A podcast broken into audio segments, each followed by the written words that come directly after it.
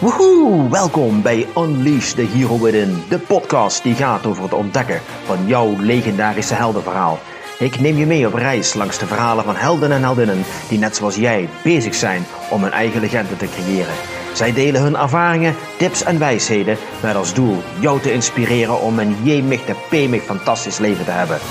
Mijn naam is Marcel Heij en you are fucking awesome.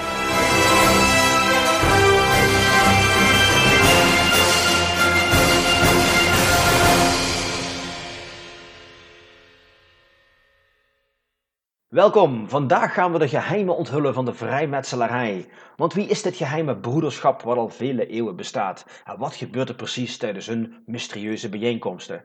Volgens sommigen is de vrijmetselarij een religieuze secte en weer anderen menen dat het een geheim genootschap is van machtige mannen. En hoe zit het nou precies met die geheimzinnige ritualen en aan welke eisen moet je voldoen om toegelaten te worden? Dat en nog veel meer gaan we vandaag onthullen in deze bijzondere podcast-uitzending.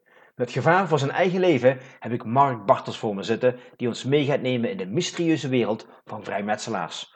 Mark is al vele jaren lid van diverse loges en kan ons hier ontzettend veel over vertellen. Mark, welkom. Hoe komt het dat er zo'n geheimzinnige sluier over de vrijmetselarij zit? Mm, vrijmetselaars zijn van huis uit vrijdenkers en vrijdenkers zijn natuurlijk heel moeilijk in de hand te houden. Dat is eigenlijk het, uh, stellen eigenlijk alles ter discussie. Uh, niet alleen zichzelf, maar ook het leven. En dat zijn natuurlijk, uh, ja, als dat grotere geheel, grotere aantallen worden, dan wordt dat moeilijk om te beheersen. En met name Rooms-Katholieke Kerk, vorsten of al dat soort zaken meer, die hebben natuurlijk liever dat het allemaal homogene één mening is die ze kunnen sturen. Mm -hmm. En als mensen zelf gaan gaan denken, dat is toch altijd wel lastig. Want dan gaan ze vragen, waarom doe je dit, waarom doe je dat? En waarom moet ik dit eigenlijk doen? En al dat soort zaken meer. En je gaat langzaam een beetje je eigen weg eh, ontdekken. Ja, eigenlijk van alle tijden, alleen het is wat minder zwaar beladen. Ja, ja. ja en ik denk dat dat ook zo is. En natuurlijk zitten er wat uh, ritualen en rituelen in uh, om ook een soort gezamenlijkheid te creëren. er, zit ook, er zit ontzettend veel kennis waar je van kan profiteren. Dus ja, Mm-hmm. Waarom niet? Ik kan het iedereen aanbevelen. Ja, nou goed, daar gaan we het dadelijk uitgebreid nog over hebben. Ik was een beetje op internet aan het zoeken naar uh, ja, bekende namen zeg maar, uit de vrijmetselarij. En uh, als ik kijk naar Nederland, dan kwam ik tegen Oscar Carré, de oprichter van Carré Theater, uh, Albert Heijn, Frits Philips, Willem Drees. En als we op internationaal vlak gaan kijken, dan zie ik staan Amadeus Mozart, Ludwig van Beethoven, Winston Churchill, Henry Ford, J. Edgar Hoover, was blijkbaar ook een vrijmetselaar, Harry Houdini, John Wayne, Oscar Wilde en jij kwam zelf net met Leonardo uh, da Vinci nog. Uh, en diverse presidenten uit Amerika zijn of waren ooit vrijmetselaar geweest. Dus uh, ja, we zitten in een prettig gezelschap. Um, het lijkt wel alsof de vrijmetselarij een beetje ja, bestemd is voor mensen op, op hoge plaatsen. Is dat ooit zo geweest, denk je? Of? Geen idee hoor. Ik zou, ik zou niet weten of dat een selectiecriteria is, want dan val ik daar in ieder geval niet onder. uh, ik, ik, denk, ja, uh, ik denk dat wel, uh, als je tijd hebt en je, je kunt over je leven en over het leven nadenken, dan moet dat kunnen omdat je of, mm, ja, dan, dan moet er of financieel voldoende aanwezig zijn om die tijd te hebben. Of mhm. je moet keuzes maken dat je weinig nodig hebt om te leven. En je maakt op die manier uh, tijd om over het leven na te denken. Oké, okay, oké. Okay. Hey, laten we eens even beginnen bij het uh, begin van de vrijmetselarij. Um, ja, wat ik vaker zie in films is uh, de, de, de, Tempeliers, duizend na Christus zo'n beetje de tijd. Maar ja, goed, wat daarvan waar is, ik heb geen flauw idee. Kun jij daar misschien iets meer over vertellen, over de historie van de vrijmetselarij? Uh, dat ligt iets verder nog achter. Uh, dat komt een beetje meer zelfs uit het uh, Egyptische. Dat is een beetje de bakermat van, het, van de vrijmetselarij en heeft zich van daaruit ontwikkeld. Dus ja, er ligt meer dan 6000 jaar aan kennis ten grondslag aan de vrijmetselarij. En natuurlijk zijn er op- en slechtere tijden en betere tijden. En ja, het, het heeft zich de hele tijd kunnen ontwikkelen. Alleen als er wat prominentere partijen zijn, zoals een kerk of al dat zaken die een rol gaan spelen, dan, uh, ja, dan wordt het soms wat moeilijker. Mm -hmm. Als we even terug gaan naar de, de, de, de tempeliers, hè, wat, ik, wat ik vaker terug zie. Kun je daar wat meer over vertellen? De rol van de tempeliers in de vrijmetselarij? Of weet je daar iets meer over? Ja, de Knight Templars, tempeliers, is, is een orde van de, van de vrijmetselaars. Uh, vrijmetselaars heb je in wezen drie graden, uh, leerling, uh, gezel en meester. Mm -hmm. En als je dat hebt afgerond, eh, die, die, die basis, dat zijn de zogenoemde eh, blauwe graden, dan zijn er vervolgpaden nog. En die zijn er, er zijn er wel 33 nog die, eh, die te volgen zijn. En een van die vervolgpaden is ook de Knight Templars, de, de, de Tempeliers om het zo eens te zeggen. En dat heeft ook meer een wat christelijkere achtergrond. Eh, er zit ook wat christelijke ritualen aan, aan vast. Maar ja, de verbinding met de vrijmetselaar eh, alleen is dat je over het leven nadenkt. En daar weer iets andere rituelen uh, zijn en weer andere mensen zijn die daar mee verder gaan. En voor heel veel mensen is het helemaal niets. Die komen een keer en zeggen van nou, dat is het niet. Maar andere mensen zijn erdoor geïntrigeerd. Mm -hmm. Kijk, uh, de Tempeliers hebben een wat dubbele beleving. Want het is natuurlijk allemaal niet roze uren maneschijn wat ze wat, wat daar aangericht is in het Midden-Oosten en hoe ze zich gedragen hebben. En aan de andere kant is de basis waarin ze begonnen zijn om het beschermen van uh, mensen die uh, naar het Heilige Graf wilden uh, en daar ja, toch wel wat mensen tegenkwamen onderweg en bescherming nodig hadden. Ja, dat leverden zij. Dus de oorsprong is wel goed. Maar ze werden ook een, een te grote financiële en economische macht. En dan is een bedreiging, ja, net zoals grote bankiers. Oké, okay. was er wel een bedreiging voor, voor, voor wie? Voor vorstendommen, de paus, uh, noem maar op, als ze die gelden leenden bij hun en al dat zaken en, dan niet terug wilden betalen, is eigenlijk heel simpel allemaal. Okay. Maar... Hoe zijn de tempeliers dan zo, zo uh, kapitaalkrachtig geworden? Omdat iedereen die daar lid van werd, al het geld en tegoeden en dat soort zaken stortte in de centrale kassa. Oké. Okay. Dus uh, ja, dat, dat, die werden gewoon eigenlijk slapend rijk en ze werden betaald voor hun diensten. Het was het eerste georganiseerde private leger, om het zo maar te zeggen. Als je zo daarover kunt beschikken, nou, dan word je regelmatig ingehuurd en uh, wordt flink voor betaald. Een soort huurlingen eigenlijk. Ja. maar um, ze kregen wat probleem met de paus, terwijl um, de Tempeliers zijn opgericht um, vanwege de Rooms-Katholieke Kerk, of zie ik dat de kruistochten. De kruistochten. De kruistochten was een van de, van de elementen die daar uh, een rol in speelde. Dus oorspronkelijk zijn de Night dit zijn allemaal zagen. Ja. Dus dat is allemaal geen, geen werkelijkheid. En, dit zijn allemaal wel, en, en er zijn, zo zijn er nog wel tien van andere verhalen. Maar uiteindelijk zijn zeven uh, ridders begonnen om mensen te beschermen die naar het heilige graf wilden. Okay. Nou, dat, uiteindelijk uh, liep dat goed. Nou, en iedereen vond het fantastisch. En de paus die gaf er zijn zegen over. En er kwamen steeds meer mensen uh, die dat wil, die functie wilden uitoefenen. Nou, er kwamen versterkingen, er werden forten gebouwd. Uh, er werd uh, elke keer als er iemand bij kwam, al dat geld werd in de centrale kassa gestort. En elke keer als zij weer werkzaamheden uitvoerden voor de, deze en gene, groeide die kassa. Dus er ontstond een. En als je daar weinig uitgaven hebt, alleen al een paard en wat ridderuitrusting en al dat soort zaken. En, ja, vertieren, dat soort zaken, werd begrensd door de levensstijl. Ja, dan uh, groeit die kassa alleen maar. Nou, een gegeven moment iemand die geld tekort had. Van, goh, kan ik niet bij jullie wel lenen? Ja, ja. En zo ontstaat er een soort... En omdat ze overal in West-Europa, Midden-Europa en Azië uh, forten hadden staan, waarin wissels naar binnen gebracht konden worden, kon je dus voor de eerste keer zeggen, met een soort papiertje uh, in ACO zeggen van, goh, ik heb uh, tien zilverlingen. En als je dan naar Parijs ging, kon je die tien zilverlingen daar weer innen. Dus dat was ook een beetje, en dan spreken we over uh, 1096, 1100, 1200, in die periode, van en die tijdsperiode. Een soort bankensysteem eigenlijk al. Dat is een soort bankensysteem. Oké. Okay. En daardoor groeide het nog een keer harder. Ja. geld wat in de kassa kwam. Ja. Dus ja, je kunt je voorstellen. En, en als je dan ook zekerheid levert. Eigenlijk leverden zij ook een verzekering. En ze waren een beveiligingsbedrijf. Uh, ze waren een verzekering. Ze waren een bank. Dus als je allerlei activiteiten wow. hebt. Nou, dan knalt die kassa lekker door. Ja, dus die kregen ontzettend veel macht. En dat geld betekent macht. Ja. En als je dan nog dat uitbreidt met je kastelen en met je uiterlijk en al dat soort zaken meer ja, dan vormt je heel snel een bedreiging van de bestaande machthebbers. Oké, okay. en is dit een beetje de oorsprong van de vrijmetselarij, zeg maar? Nee, dat heeft niks met de vrijmetselarij oh, te maken. Oh. nee, dat was de Night Templars. Dus okay. Tempeliers. Dus, uh, nee, Tempeliers. En, en, ja, er wordt zoveel over gesproken. Van, uh, ja, en ook in de boeken van, uh, van Dan Brown en degenen die mm. hem geïnspireerd hebben van, de, uh, van uh, Maria Magdalena, die dan op een schip naar in, in, in Frankrijk aan de kust is aangekomen. En, enzovoort, enzovoort. Het zijn allemaal zaken. Zijn allemaal Okay. zaken. De, en die ver, verwatering en die verbinding met vrijmetselarij, ja, het is nadenken over je leven en, en, en een beter mens worden. En, en dat dan de koninklijke kunst. De koninklijke kunst. Ja. Ja, het leven. Ja. Het eigen leven is ja, een kunstwerk. Of je kunt er een kunstwerk van maken. Ja, en dat is, ligt helemaal aan jezelf. En dus, en, en, en heel veel mensen zijn daar niet bewust mee bezig. En ik denk dat dat ook het enige is, en ook het belangrijkste, wat mij zo aantrekt in de vrijmetselarij, is in wezen dat je bewust over dit soort dingen nadenkt. En dat doet met een aantal mensen die er ook op een gelijkwaardige manier insteken. En eh, daardoor een breder perspectief op zaken krijgen. Letterlijk een breder perspectief. Want iedereen kijkt vanuit zijn invalshoek naar zaken. En als je daar gewoon zonder te oordelen andere eh, invalshoeken naast zet, wordt letterlijk je perspectief breder.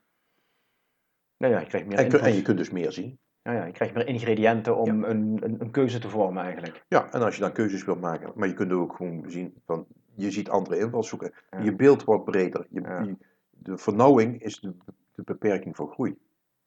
Ja, ja, ja klopt. De vernauwing is een beperking voor groei. Ja, ja. En dat, eh, of dat nu fysiek is, of dat dat nu geestelijk is, eh, elke keer is dit waar. Dus eh, hoe breder dat je kunt maken, hoe Ja. meer dat je kunt zien, Ja. hoe meer dat je kunt begrijpen, nou, noem maar op. nou, klinkt ook En groei. Eh, wanneer is de vrijmetselarij op jouw pad gekomen en hoe? Hoe is dat ontstaan? Ja, ik ben daar eigenlijk wel al, al een tijd onbewust allemaal mee bezig geweest om over het leven na te denken, Lao Tse te lezen, Coelho en al dat soort zaken meer. Maar een, eh, een vriend van mij, eh, Henk Jansen, die, eh, die heeft me daar een paar keer al voor gevraagd. Ik zei, maar je moet een keer mee. Nou, dat was heel bijzonder. Hij kreeg een nieuwe baan in Venlo.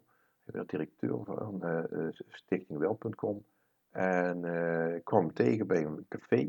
We raakten aan de praat. Ik kende hem van tevoren niet. En ik zei binnen vijf minuten, ik zei, ik, volgens mij heb je een nieuwe baan. Ik zei, en ik weet ook nog waar en voor wie. En hij kwam net van de wethouder af. Ik zei, niemand mag het weten, maar wordt pas over veertien dagen ge- gepubliceerd. En ik zei het hem binnen vijf minuten en dat was waar. Zo. En toen hebben we drie uur aan, eh, aan de goede wijn gezeten. En, eh, en toen zei hij na drie uur, zei jij moet, jij moet vrijmetselaar worden. Want hij was al lang vrijmetselaar. Ja. En hij heeft me toen geïntroduceerd met de vrijmetselarij. En dus de loge begon hier in Venlo. En toen was ik de eerste hier in Venlo. Oh ja? Ja. En toen, hoe, hoe, hoe ging dat? Ja, dan word je ingewijd, om het zo maar te zeggen. En dan, ja, dan word je via een rituaal opgenomen in de broederschap, zoals dat zo mooi heet. Nou, en dan eh, eh, mag je eh, meedoen met de ritualen en krijg je instructies hoe het moet. En dan mag je gaan visiteren bij andere loges om te kijken hoe het daar gaat. En langzamerhand, als je daar lol en plezier in hebt en daar een beetje open voor staat, zie je ook andere mensen en dan raak je daarmee in gesprek. En dat zijn allemaal interessante mensen. Omdat die allemaal, dat er iets is wat hun bindt. En dat is de vraag, hoe, hoe kan ik mijn leven beter inrichten? Hoe kan ik een beter mens worden? Eh, en die worden allemaal gedreven door die- dit soort vragen. En het zijn allemaal mensen die daar eh, heel serieus mee bezig zijn. Mm. Wat is de toevoeging, van de ritualen tijdens bepaalde ceremonies? Ja, ik zie dat voor mijzelf, maar dat is puur mijn eigen, een soort mantra eh, waarin je dan terechtkomt. eh wat de gelijkgestemdheid een bepaald energieniveau geeft, waar je zegt van nou, dat is gewoon heel mooi om mee te maken. Mm, mm. En, en, en niet, niets meer als dat. We slachten geen eh, kippenleven, we, eten geen koeienharten en al dat soort zaken meer. Dat is, eh, dat is verleden tijd. Nee, nee, nee, nooit geweest. Sorry. Nee, nee. Dat is helemaal nooit geweest. Dus, dus in, daar, daar moet ik iedereen in teleurstellen. Het is ook allemaal helemaal niet zo, niet zo spannend. Er gebeuren ook eh, geen dingen waar je denkt, voor we veranderen even lood in, in goud of dat soort zaken. Absoluut niet. Nee, nee. Maar het, het is met een, een stuk gezamenlijkheid. Het is ook eh, net als een koor wat gezamenlijk zingt en waar een bepaalde energie vandaag, Mhm. vanuit gaat. Is dat met de rituelen bij ons? Ja, ja. Het is gewoon het creëren van een bepaalde gezamenlijke energie. Komt een bepaalde ja, gemoedstoestand terecht misschien. Ja. Ja, ja, Waardoor je meer open staat voor wat er, wat er gebeurt eigenlijk. Ja, en het gebeurt altijd op, eh, ja. ja, en het gebeurt ook altijd op, op hele interessante plekken. Eh, ehm, zoals wij hier in Venlo zitten met Emo's Phoenix. Ja, dat zijn waar leilijnen bij elkaar komen, waar de trillingen weer iets anders zijn. Nou, en dat is altijd mooi om daar mee te mogen maken. Ja, ja, ja. ja. En je had het net over de drie eh, eh, graden waar je doorheen gaat. Hè? Je wordt eerst leerling, dan gezel, dan meester. Ja. En daarna had je het er straks over, waren er iets van 33 Vervolgpaden. vervolgpaden die je Ja. kunt gaan bewandelen. En van een aantal paden ben jij ook eh, lid, of aangesloten, hoe mag ik dat noemen? Ja, iets meer dan een paar. Ja, Oh, iets meer dan een paar. Ja. Dus daar is wel een soort passie ontstaan eigenlijk Ja. om... ehm, ja, uiteindelijk ga, ga, ga je daar door en, en ook internationaal. En dat doe je in Engeland, in Duitsland, in Nederland, eh, op verschillende plekken. En mensen die daarin doorgaan, die, ja, die zijn nog meer eh, gepassioneerd, om het zo maar eens even te zeggen, Mm. ten aanzien wat jij daar gaf, om daar iets mee mee te doen. En ook daar weer krijg je weer andere mensen waar je een goed gesprek mee hebt. En, ja, en, en daar heb je de ritualen mee, daar heb je de instructies mee en daar heb je het broedermaal mee. Dat zijn ook de ingrediënten die je hebt. En dat maakt het gewoon super leuk en interessant. Oké. Dus eh, goed, meer als een paar. Dus je bent aardig wat, eh, wat uurtjes per week hiermee bezig. Ja, het kost ongeveer een twee dagen in de week. Twee dagen in de week. Ja. Holy shit, dat is nogal wat. Ja, Oké. Wat, wat, wat doet het met jou persoonlijk? Wat brengt het jou? Want je doet er nou, meer dan gemiddeld een tijd in steken, mag Ja. ik wel zeggen. Wat brengt het jou persoonlijk?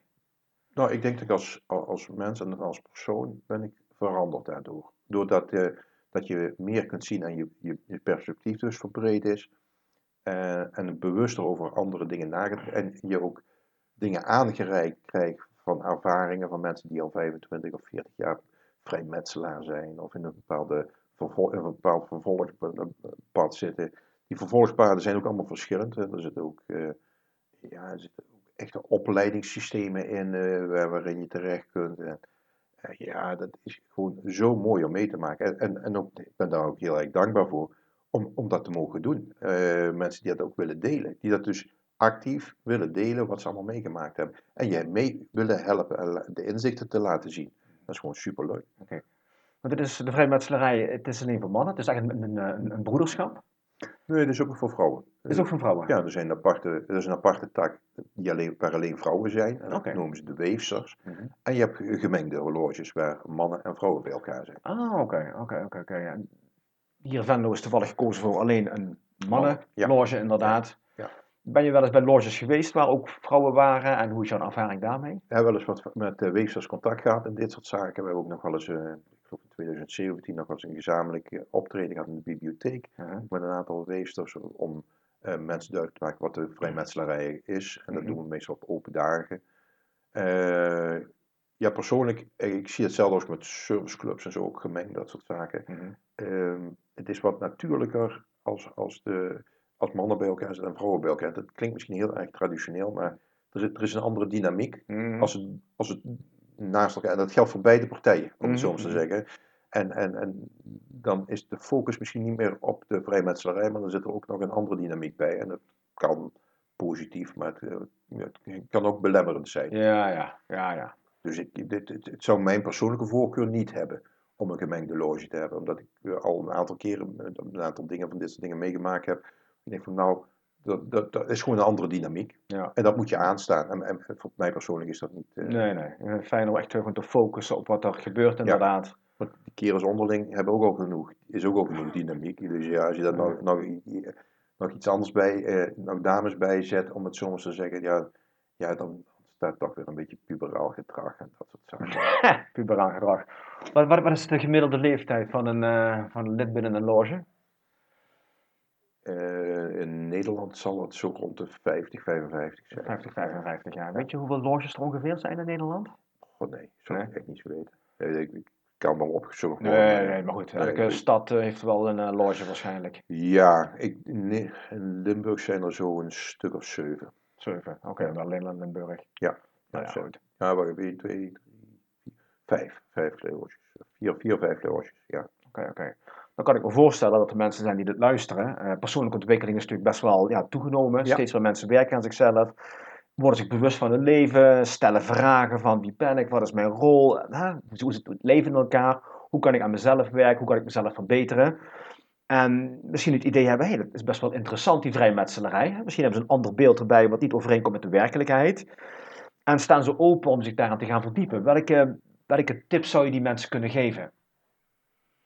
In hoeverre staan loges open voor mensen die een keer willen komen kijken? Of zijn er open dagen? Of, of- Dus eh, iedereen eh, ehm, op de websites van alle loges, is contactadres, zijn open dagen, informeer. Er is altijd iemand, er is een voorlichter voor de Loge La Simplicité, doe ik dat. Dus eh, Mhm. ze kunnen rechtstreeks met mij bellen, Eh is ook geen enkel probleem. Als je geïnteresseerd bent, neem rustig met mij contact op. Kom graag een keer eh, uit de doeken doen eh, wat wij doen. Maar dat, ja, dat zit al heel veel in deze podcast. Mhm. Dus eh, geen enkel probleem. En elke loge heeft iemand die in wezen publiciteit verzorgt. En eh, zorgt ook met gesprekken met nieuwe mensen.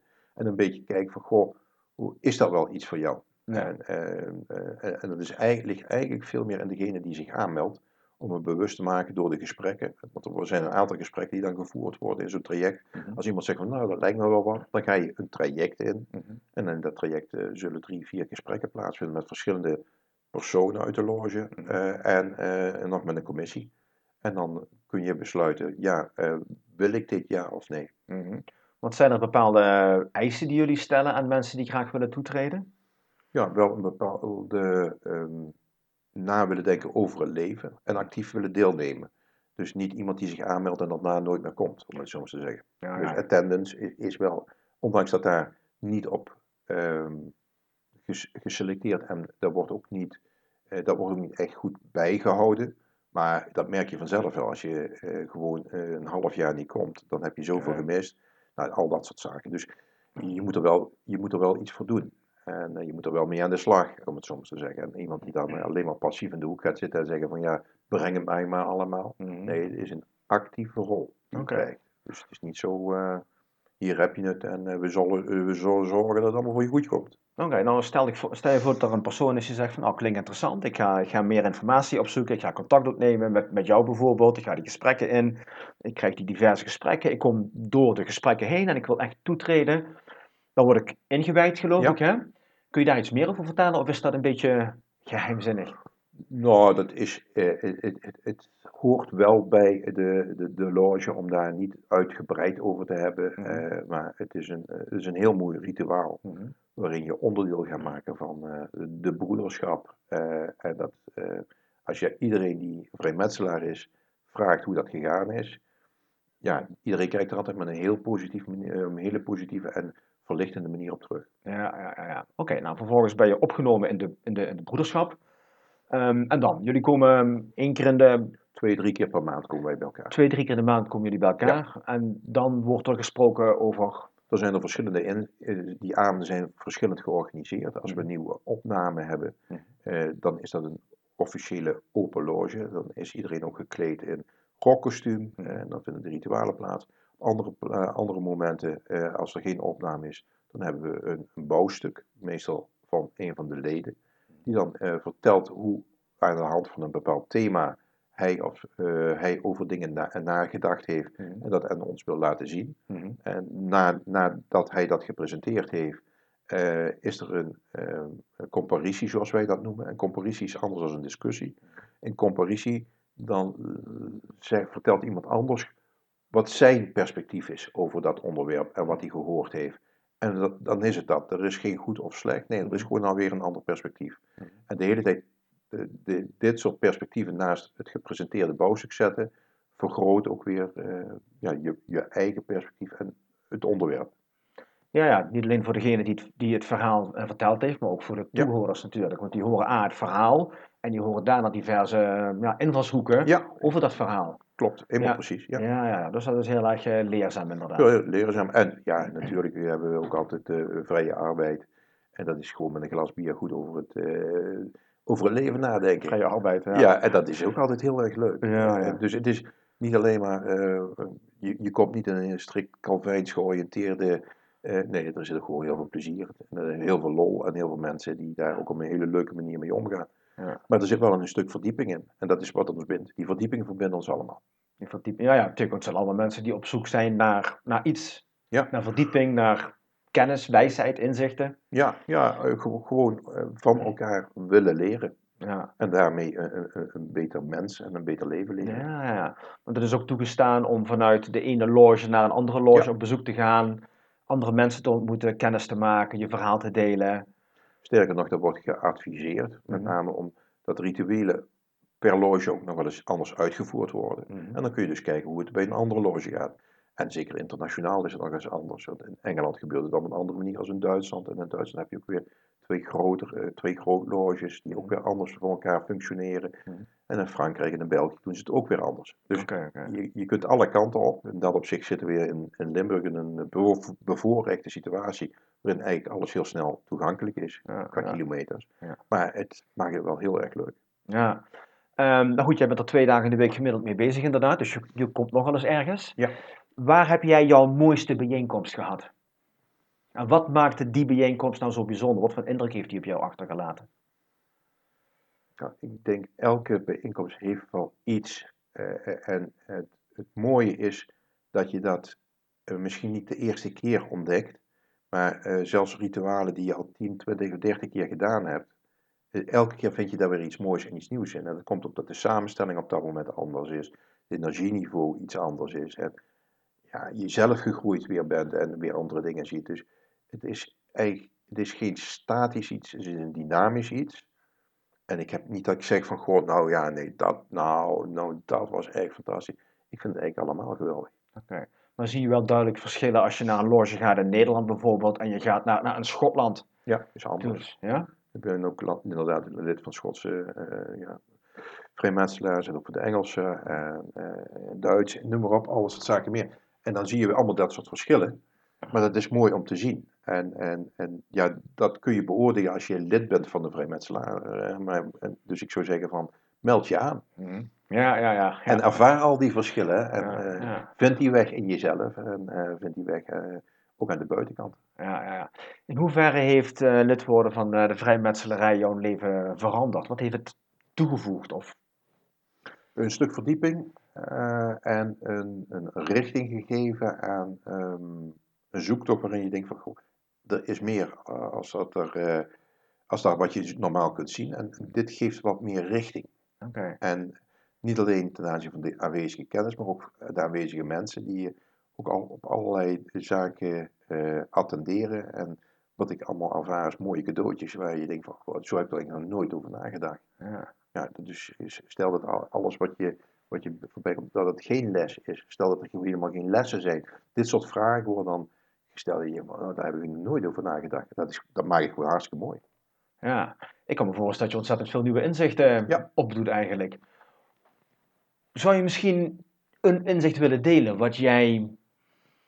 Misschien een van jouw grootste inzichten die je ooit ontdekt hebt in de afgelopen negen jaar ben je nou lid, waarvan je denkt van wow, dat was echt een soort, ja, hoogtepunt is misschien niet het goede woord, maar dat heeft wel een diepe indruk op jou achtergelaten. En dat heeft misschien zelfs geleid tot een nieuw pad wat je bent, gaan bewandelen in je leven, of anders naar zaken bent gaan kijken, of anders met dingen om bent gegaan. Het belangrijkste, of belangrijkste, mijn grootste inzicht denk ik is eh, de, de, factor tijd. En eh, ehm, ja, de, de, de factor tijd en alles wat eraan vasthangt. eh, of dat nou een economische component of een kenniscomponent is of alles dat zaken meer. Maar tijd is eigenlijk niet verhandelbaar. En, en, en, en dat is ook eh, het meest kostbare wat we hebben. En, en, en daar moet je bewust mee, eh, mee omgaan. En als je dus ergens 20 jaar werkt, om, om er iets te zeggen, dan geef je 20 jaar van je leven. En daar moet je even bij vragen stellen of, of je dat wel wilt. En als je dat wilt, onder wat voor voorwaarden. Want je geeft stukken van je leven af.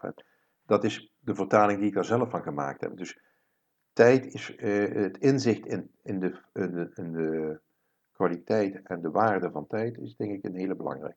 Oké.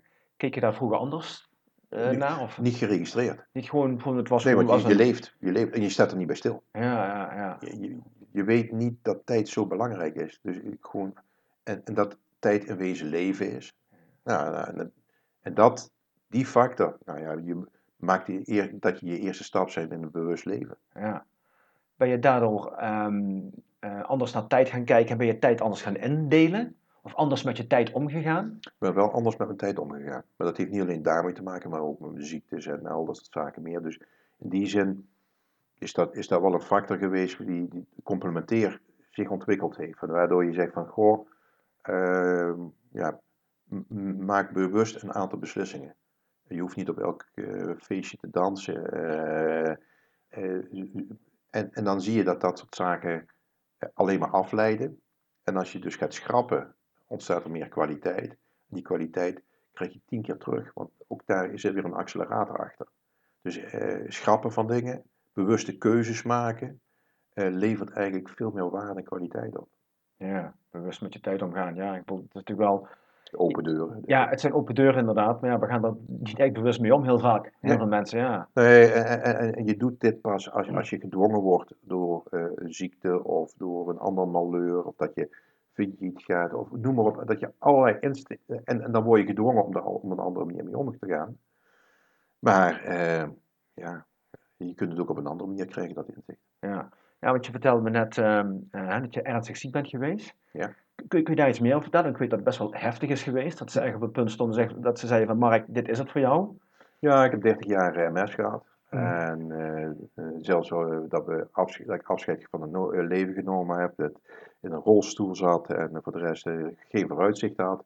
Ik ben nog twee maanden naar Nieuw-Zeeland geweest om afscheid te nemen van het leven. En ja, dat was hij dan. En vervolgens een vriendin die ons wees op een, of mij wees op een, een, een pilletje Naltrexon. Ik ben dat gaan slikken en binnen anderhalf maand kon ik eh, staan uit een rolstoel en binnen een half jaar kon ik weer lopen. En heb dat twee jaar geslikt. Ben toen ook gewoon gestopt, omdat mijn overtuiging ten aanzien van medicatie is dat het een zetje is en niet een oplossing. Ja. Dus het is een zetje om je een richting uit te geven. En dan op een gegeven moment moet het lichaam dat oppakken, want anders ben je een verslaafde. Mhm. Eh, en dat, zo is het ook gebeurd. En ik ben nu al twee, tweeënhalf jaar geleden eh, gestopt met het eh, nemen van dat pilletje. En ondertussen meer dan 150 mensen met MS met mij contact hebben gehad. Dat dat ook een beetje doorgesproken hebben en hun ook op richt- richting gegeven. En van hun ook vernomen heb dat ze zo'n beetje vergelijkbare ervaring hebben gehad. Holy shit. Ja. Dat is toch, toch heel erg bijzonder. Ik bedoel, dat is toch...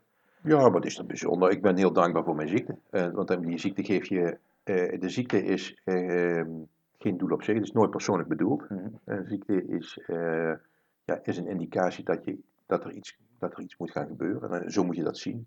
Dus er is niemand met een regiestoel die zegt van nou, ik zal die Mark eens even MS geven. Nee, nee. Maar dan moet je kijken van goh, en dan moet je dat proberen op een bepaalde manier op te lossen. Dus ik heb dat opgelost. Enerzijds met een pilletje, anderzijds met behandeling eh, van een, eh, ja, eh, eh, met een Chinese arts. eh, Om het te zeggen, andere manier een beetje kijken naar het leven. Maar ja, ik ben blijven, ik hou heel erg van goed eten, goed drinken en dat soort allemaal blijven doen. Ah. Dus ja, eh, eh, ja. En zo loopt dat verder. Nee, dat moet toch ook iets met je doen? Ik bedoel, als je te horen krijgt dat, eh, dat je afscheid mag gaan nemen voor het leven. Dat heb ik zelf gedaan. Hè. Als je op een gegeven moment niks meer kunt, weet je wel, als je in een rolstoel zit en eh, je kunt niks meer, dan, eh, ja, dan is het, eh, ja, en je bent afhankelijk van derden. Het huis laten verbouwen, al dat zaken. Ja, dus ook, ja, maar ja, de deur is nu zo groot dat het betekent in de rolstoel. En ik heb een liftje naar boven. Als ik gedronken heb, kan ik met dat liftje naar boven. dus dat op zich is dat ook prima. Maar ja, het is zoals het is. Jezus. Ja. Goed, dan ineens krijg je een ja goed, tweede kans klinkt misschien een beetje vreemd, maar ineens, ja, als je ziet dat je in een soort uitzichtloze positie terecht bent gekomen en je gaat, zoals jij zegt, langzaam afscheid nemen van het leven en ineens duikt er een pilletje op en ja, je krijgt weer een soort tweede kans om, dat moet toch iets met je doen? Wat, wat heeft dat voor, Ja, nou ja, uiteindelijk maak je daar makkelijker een aantal beslissingen. En zeg van dat doe ik niet meer en dat doe ik wel. En dat doe ik niet meer en dat doe ik wel. En ja, dan, dan ga je dus door zo'n, eh, dat, dat dat je gebeurt, ga je eh, andere keuzes maken. Oké, dus je leefde echt heel anders voor dat je die ziekte had dan daarna? Nou, die ziekte heb ik 30 jaar gehad, dus dat is... Oké, eh, oké. Ja, ik heb Altijd- 30 jaar eh, MS gehad, dus... Ja, eh, het is niet zo... Ik, ik denk dat ik bewuster keuzes gemaakt heb, zeg maar. Dat, en dan met name het schrappen van zaken is belangrijker dan eh, dingen doen. Dus, dus weglaten, weten wat je niet wilt, is belangrijker als te weten dat wat je wilt. En dus ik denk dat dat proces is ook veel makkelijker. Eh, zeg maar, dat wil ik echt niet, nou dan moet je het ook niet meer doen. Daar krijg je energie van, moet je ook niet doen. oké. Nou, allemaal, als, je, als je op die manier gaat schrappen, dan blijven er, de, als het goed is, de goede dingen over. Ja, dus eigenlijk zou je een lijstje moeten maken van de activiteiten die je doet in een week tijd of zo. Wat je wilt. Wat je wilt inderdaad. Dan ga eens kijken hoeveel, hoeveel energie krijg ik daarvan. Be- bewust naar kijken. Hè? Ja. Dus bewust naar je leven kijken. En zeggen van nou die en die dingen. Ja, ik, ze zitten gewoon een soort automatische piloot als een ingrediënt aanwezig. Maar ik word er steeds niet blij van. Waarom doe ik het nog eigenlijk? Ja, we zitten heel veel in de uitvoerende, situ- in de uitvoerende modus. Eh, als je eenmaal erin zit, zit je uit te voeren, uit te voeren. Ik moet dat nog doen, daar naartoe. Ik moet daar nog een vergadering, bestuur, noem maar op. Alles uitvoer, uitvoer, uitvoer. En je vraagt niet meer waarom dat je de dingen doet die Ja. je aan het doen bent. Ja. En dat is eigenlijk de, de hele tijd de belangrijkste vraag die je moet stellen. Kijk maar, ik heb nu eh, zeven weken geleden weer een dubbele longembolie gehad. Mhm. En dat was precies op de punt van de, waar de, de pijpen zich splitsen. En dat was uh, wederom een close call, want het had, uh, als het dicht was geweest, dan was het ook weer einde bericht geweest. Dus ja, ik krijg ook wel regelmatig, ondanks dat ik dus bij de vrijmetselarij, ben je niet vrij van, nee, nee. van dit soort zaken. Maar ja, ook daar kun je weer afvragen van, goh, nou, niet dat achter alles een les gezien moet worden, maar ja, misschien ben je weer te veel met een aantal, misschien ben ik wel bij te veel orders. Moet ik daar weer eens een keer naar kijken. dat soort zaken. Dus zie dit soort dingen uh, als ze gebeuren en uh, probeer daar zelf mee, bewust mee om te gaan. En dan wil je niet eens zeggen dat dat allemaal de werkelijkheid is. Is altijd naar jouw werkelijkheid, is jouw perspectief. Ja, ja, is, vraagt, ja. ja, en daarom is het zo belangrijk om mensen naast je te hebben in een vrijmetselarij die die andere perspectieven laten zien. Want ja, anders ben je weer vrij eh, ja, solistisch bezig vanuit één tunnel. En probeer die tunnel nu zo breed mogelijk te maken. Ja, ja. Even misschien een vraag die me nou uh, binnen ziet. De naam de, de vrijmetselarij. Waar, waar komt die naam eigenlijk vanaf? Vrijmetselarij, ik bedoel... Ik heb geen idee. En, en er zijn allerlei theorieën over uh, gildes met metselen en alles. En er zitten namelijk ook heel veel van dat soort elementen zitten natuurlijk in dat soort ritualen. Ik zou het echt niet weten. Ik weet niet wat daar nu werkelijkheid van is en wat verzonnen is en wat gewenst is en noem maar op alles dat zaken meer. Dus het zou heel, heel erg aanmatigend zijn om te zeggen van dit is het of ja, dat is het. Ja, ja, ja, ja, net zoals het leven is dat ook één groot mysterie inderdaad. En dat is ook prima zo. Ja. Dus het hoeft, als het maar werkt. Ja. Kijk, uiteindelijk eh, eh, heeft de functie om jouzelf over je eigen leven en het leven na te laten denken. En daar bewust bij stil te staan. En dat je daar invloed op hebt om daarmee om te gaan. Mm. En dat zijn de keuzes die je maakt. Nou, maak dan de keuzes op basis van een breder perspectief dan een no-perspectief. Ja, ja. Nou, ik zeggen, ik begin er wel steeds meer in te zien hoe het kan helpen, inderdaad. Ja. Dat de, de, de lid worden van de vrijmetselarij echt een verrijking is van je leven. Die je gewoon helpt met het maken van moeilijke keuzes. En die je inzicht kan geven in je eigen leven. Inzichten die je nou misschien niet hebt. En dat je jezelf af en toe afvraagt, jee, welke kant moet ik op? Welke richting moet ik op? Wat moet ik doen? Ja, en ook veel van mensen die, zich daar heel, heel alleen in voelen. Van wat er mm gebeurt, overkomt mij. En, en noem maar op, al dat soort zaken meer. Of die op een gedachtegang zitten van, uh, van waar ze denken oplossingen te vinden of al dat soort zaken meer. En denk van, tegen wie kan ik dat nu eens even tegen, eh, tegen het licht houden? Wie kan me daar een beetje richting in geven? Nou, dat kun je dus allemaal bij de vrijmetselarij. Ja, ja, dus uh, openheid en jezelf kwetsbaar opstellen is daar eigenlijk een, ja. een zeer, zeer gewenst ingrediënt. Ja, en als je dan zegt van, goh, uh, je, je, krijgt wat je geeft. Mm. Uh, geven is een nieuwe krijgen en, en, dan meer van dat soort creatologieën. Ja. Maar dat, dat zijn wel de dingen die, waar het om gaat. Als je daar alleen gaat zitten en je absorbeert, haal je er heel weinig uit. Nee, nee. En, en dat, dat, gaat, dat is misschien ook nog wel leuk, maar het, je zult ook dingen moeten inbrengen. Ja, ja, dat is ook, natuurlijk, ja. Maar het is niet iedereen gegeven. Hè? Er zijn heel veel mensen die. En het begint natuurlijk met jezelf te kennen. En dat is precies ook de, de eerste les van een gezel, of van, van een uh, leerling. Ja, ken uzelf. Dat is eigenlijk in het eerste jaar leert een uh, leerling zichzelf kennen. Ja, ja, ja.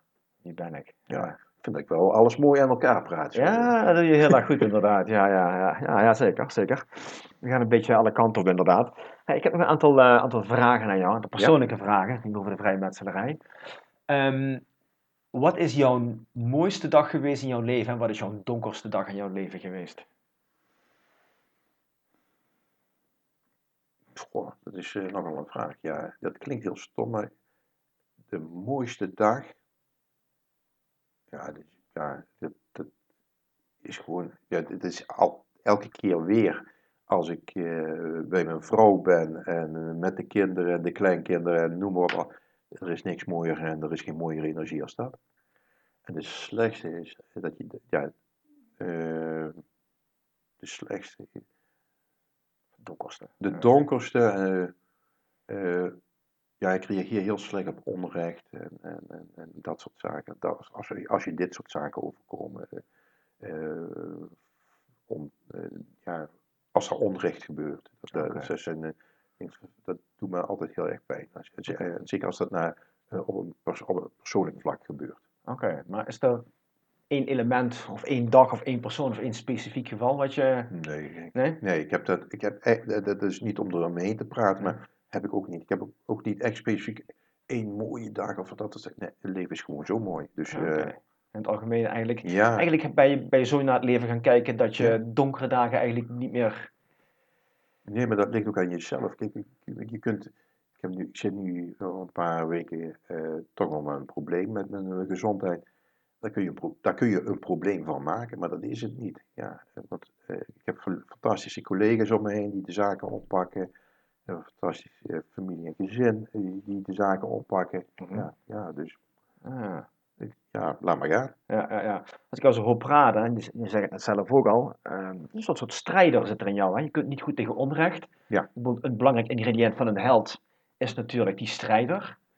Enig idee waar dat vanaf komt? Of, Nee, ik zou, ik, ik zou, het, ik zou het echt niet weten waar, waar, waar, waar dat, wat daar de, de binnenste reden voor is. Ik nee, de, de- nee, nee ik, word, ik word gewoon ongelukkig van, van onrecht, om het maar te zeggen, op een of andere manier. En dan is onrecht, recht en onrecht is ook nog zo subjectief als de pest. ja, ja. de- de- dus de, ook de, en, en er is geen waarheid en, eh, en allemaal dat soort zaken. Want het is allemaal een subjectieve waarheid. En dus, of een interpretatie, dat soort zaken. Dus als je dat allemaal weet, moet- zou je het ook los moeten kunnen laten. Dus eh, ik ben nog niet eh, in een totale status van. eh, Nee, nee, ik snap het. Wie of wat inspireert jou?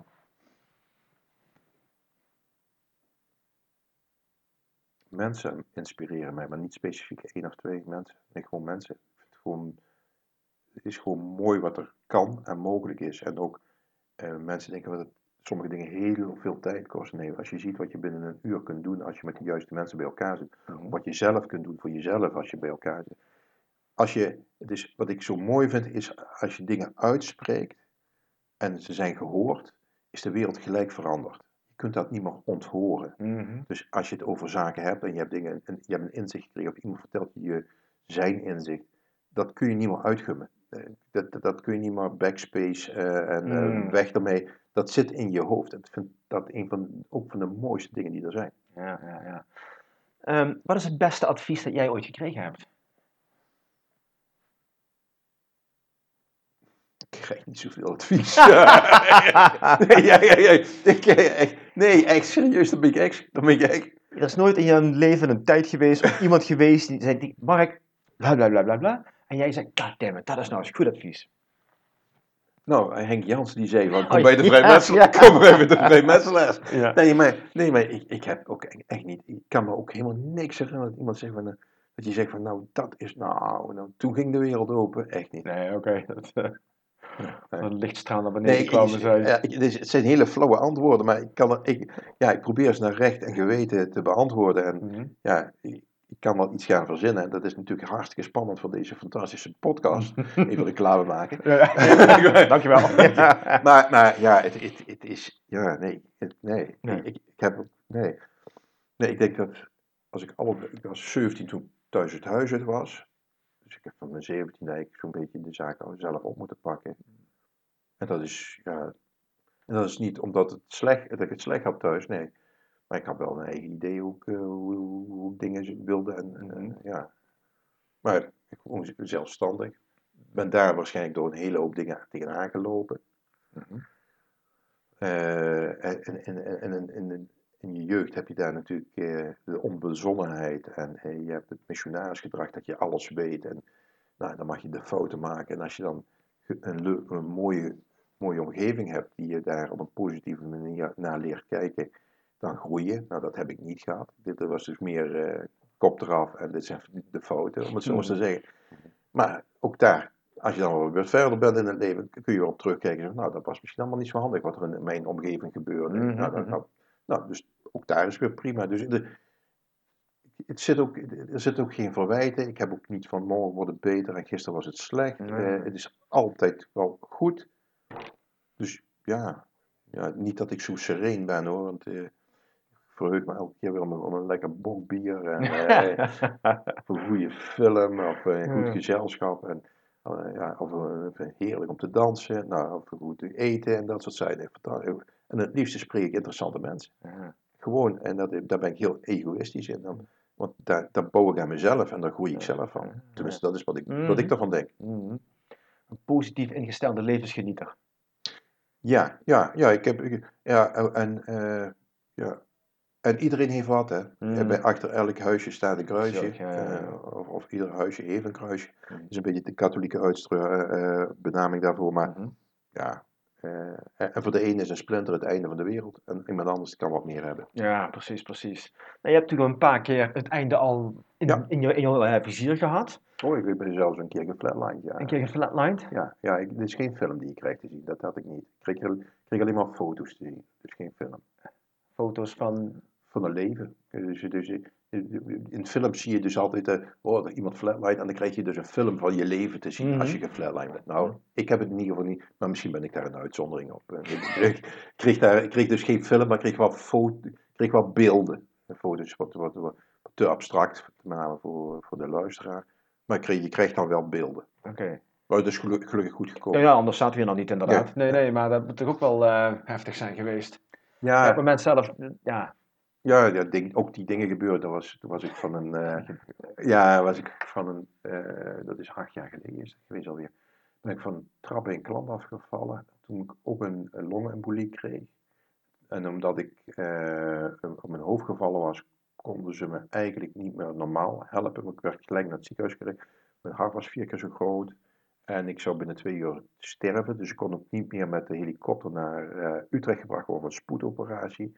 En het enige wat dan helpt is een trombolyse. En dan zei ik dat je een soort zoutzuur in je eh, eh, dingen gespoten krijgt in je aderen. En dat lost dan in wezen de, de embolieën op.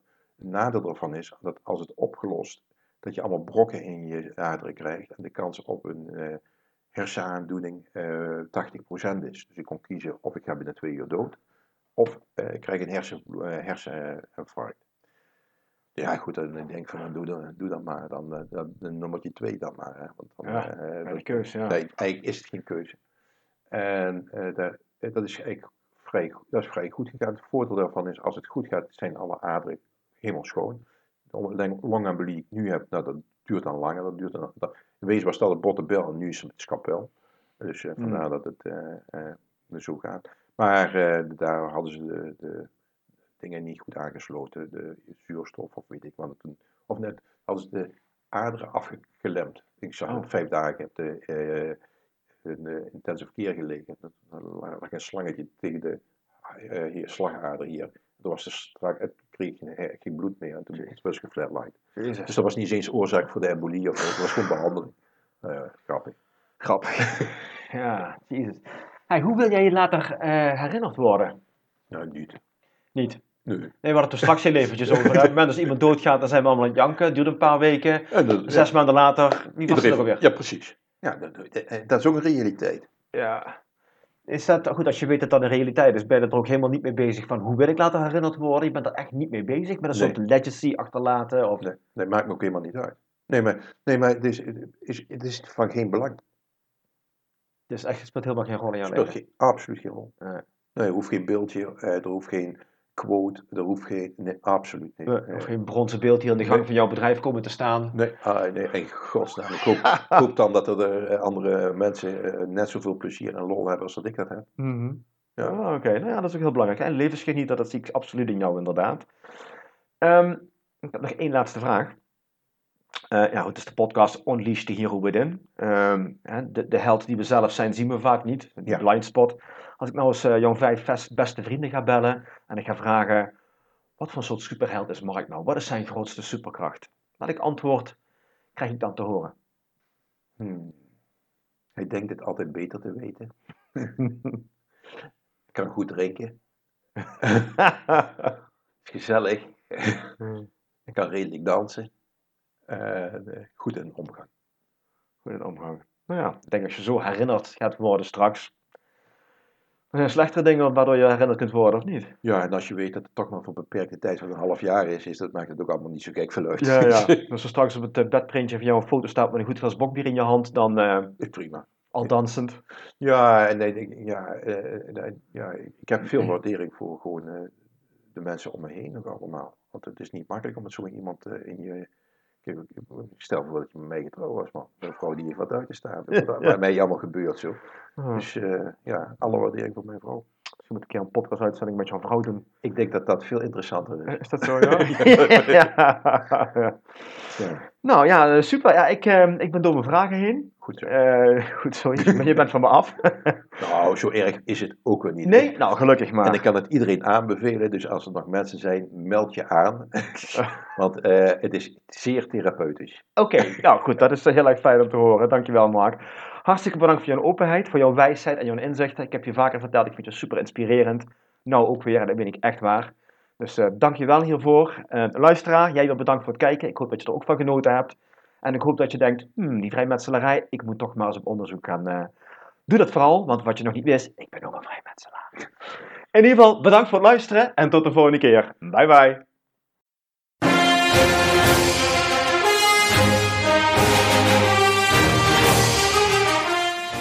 Ik hoop dat je net zoals mij weer hebt genoten van de mooie verhalen van mijn gast en er hopelijk iets aan hebt gehad. Wil je meer inspirerende goodies ontvangen over hoe jij een fucking awesome legendarisch leven kunt hebben? Ga dan naar mijn website unleashtheherowithin.nl en meld je vandaag nog aan. Thanks for listening and until next time, stay awesome.